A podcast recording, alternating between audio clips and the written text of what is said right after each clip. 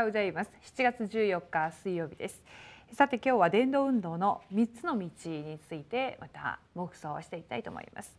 はい、また福音書28章18節から20節です。はいでは読んでいきたいと思います。イエスは近づいてきて彼らにこう言われた。私には天においても地においても一切の権威が与えられています。それゆえあなた方は行ってあらゆる国の人々を弟子としなさい。そして父子精霊の皆によってバプテスマを受けまた私があなた方に命じておいたすべてのことを守るように彼らを教えなさい。見よ私は世の終わりまでいつもあなた方と共にいます。はい。えでは読んでいきたいと思います。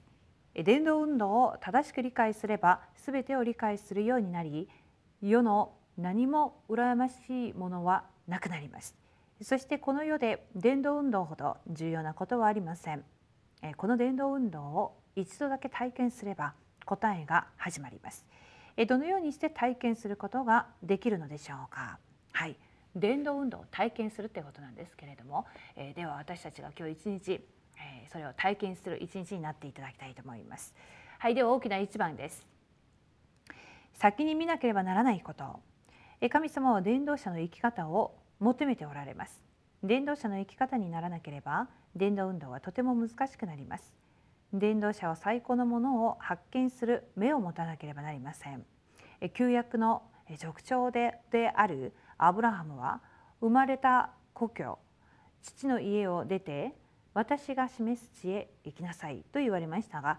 それが最高の契約であったことを知らなかったため絶えず苦しみに遭いました。アブラハムはある日最高のものを発見するようになりましたが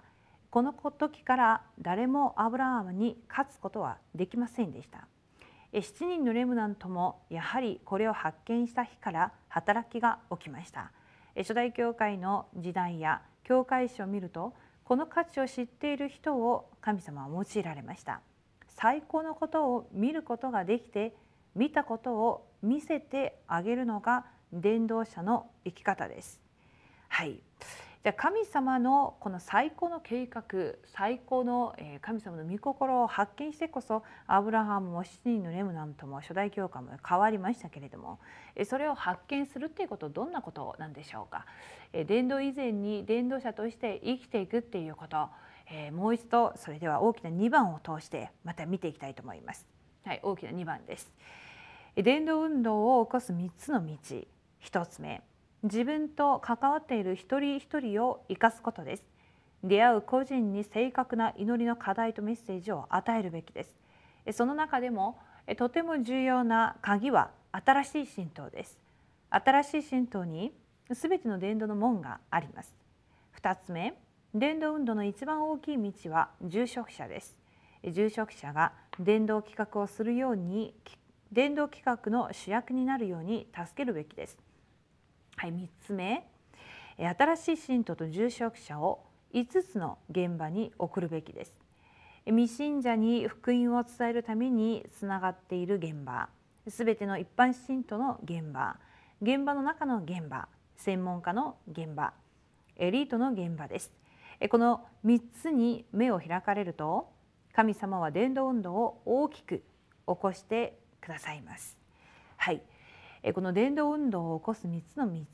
ていうことなんですけれどもまずですね皆さん一人一人自分に関わっている人それをですね今日出会いのリストっていうことで皆さんの身の回りの人皆さんが出会ってるまた思いつく全ての人のことをこうずっと書いてみてください。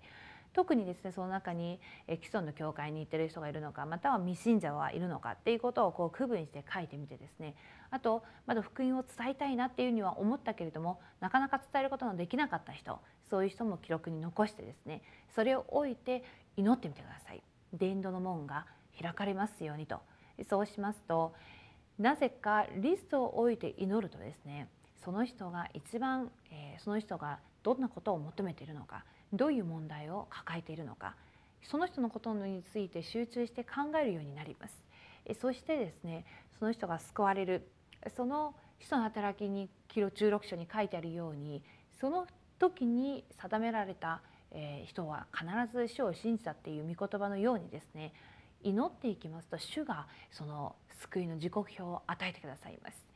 そんないろんなこう人の出会いがあると思いますけれどもその中で特になぜこの新しい信徒かっていうことなんですが新しい信徒つまり未信者だった人ですねこの人たちの身の回りは全てまたほとんどが未信者の人たちで大きなこの伝道の畑っていうものがあるわけです。えそして結局その一人一人の新しい信徒を通してまたその一人一人が教会化になっていく上でやっぱり教会の中で油を注がれてこの建てられた住職者がですね先頭に立って恵まれなければ次の一般信徒やそしてレムナントたちが教会運動またレムナント運動現場運動で勝利することができません。なので今日順番的にまた3つの伝道運動を鍵についてこう記録されていますけれどもまず一番、えー、分かりやすい部分まず皆さんが出会いのリストを置いて、えー、皆さんが気になる人そして本当にまだ救われていない人そういう人たちのリストをこう作成してみてください。そうするといろんな人のことについて私が今までたくさんこう逃していたなということが見えてきます。今日ですね出会いのリストを必ず皆さん書いてみてください。はい、で大きな3番です。えー、働きが起きない理由。今教会の中には働きが起きない人があります。あまりにも多いです。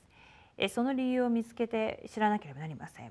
どうすればよいのでしょうか。祈りの中で毎日契約を見つけなければなりません。祈りに集中できなければ絶対に働きは起きません。人に間違った何かが刻まれた刻まれたとしたら祈りによって集中してこそそれを崩すことができますその後信仰が深くなると体質が変わりまた生活もだんだん癒されます。はい結局ですね働きが起きない理由これやっぱり祈っていないからかもしれませんけれども祈っていないってことは祈れていないことですし祈ることができないで祈ることができないってことに関してもいろんな理由があると思います。けれどもですね今日皆さん伝道運動その伝道をする以前に伝道者の人生を生きることはとても大事だと思います。なのでですね皆さんもう今日から今からいくらでももうスタートすることができます。もう終わったことは全てもうなくしてですね今から自分の問題を書いてそして自分の問題に対する御言葉そして皆さんの身の回りの一人一人を記録しそしてその中から主が与えてくださるその時刻表をまた皆さんが発見してですねそれを一つ一つ実践にして生きていけばまた伝道者としての人生豊かな人生にまた恵まれていけるようになると思います。なので結局その働きが起こす主の見働き伝道の実が結ばれ御言葉が成就されて暗闇が離れていくような大いなる伝道運動の体験をしていただきたいと思います。はい。それでは今日のフォーラムの主題です。伝道の中に全てがあります。伝道者の生き方は最高の生き方でありさあ祝福の生き方です。伝道者の生き方を置いて具体的に挑戦してみましょう。はい。それでは皆さん伝道者の人生を今日一日生きていくことができますようにと、えー、込めてまた祈ってお祈りをして、えー、終わりにしたいと思います。神様感謝します。今日一日中伝道者として生きていくことができますように。神様伝道運動。それは生活の中で本当にパンダネのようにまた自然な形で成り立っていく。それがマクトの伝道運動だと思います。神を離れてしまった人間がみんな苦しめられていますが全ての人が神を知らずに生きています。本来の人間の姿を回復していく。この伝道運動の働きが今日私自身から始まっていけるように恵みを与えてください。そのためにも本当に主がお話しされた通りに私たちがまず伝道者としての祈りのスケジュールそして伝道のスケジュールを持って